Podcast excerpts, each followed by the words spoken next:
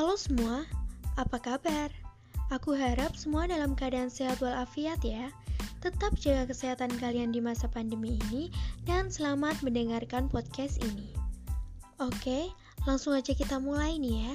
Izinkan saya memperkenalkan diri. Jadi, namaku Fitriana Nining Tias Utami. Aku biasa dipanggil Tias. Sekarang, aku masih menempuh pendidikan di Universitas Kristen Satya Wacana, program studi pendidikan guru sekolah dasar. Hari ini, saya akan mengajak berdiskusi kalian mengenai PMRI atau biasa disebut dengan Pendidikan Matematika Realistik Indonesia yang diharapkan dapat membantu siswa dalam memahami konsep-konsep matematika.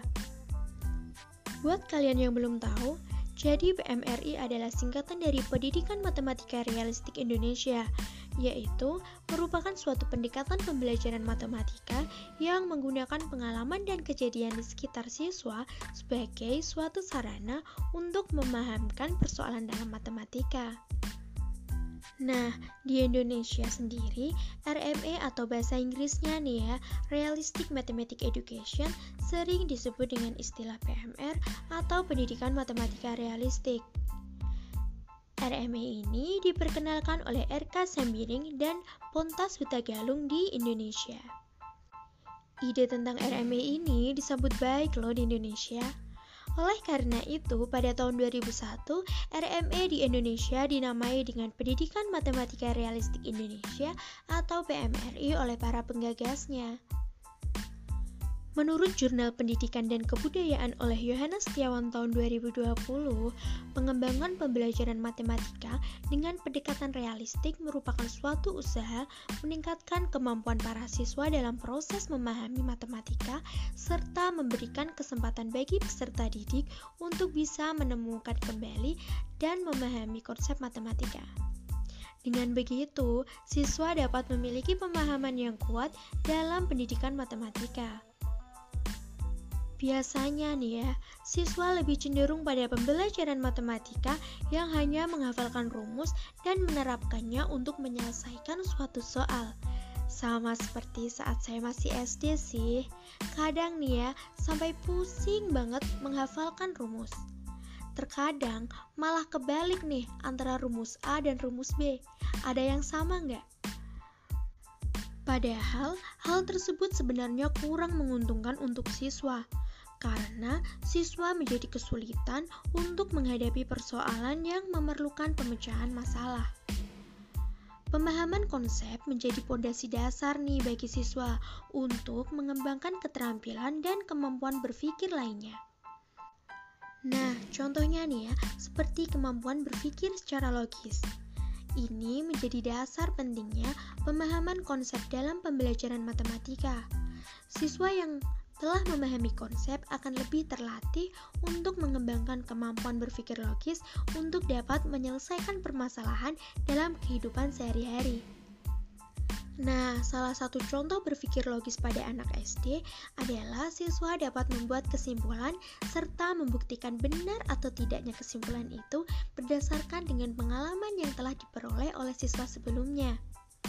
Nah, pemahaman konsep dan kemampuan berpikir logis memerlukan suatu pengetahuan dari pengalaman oleh siswa itu sendiri.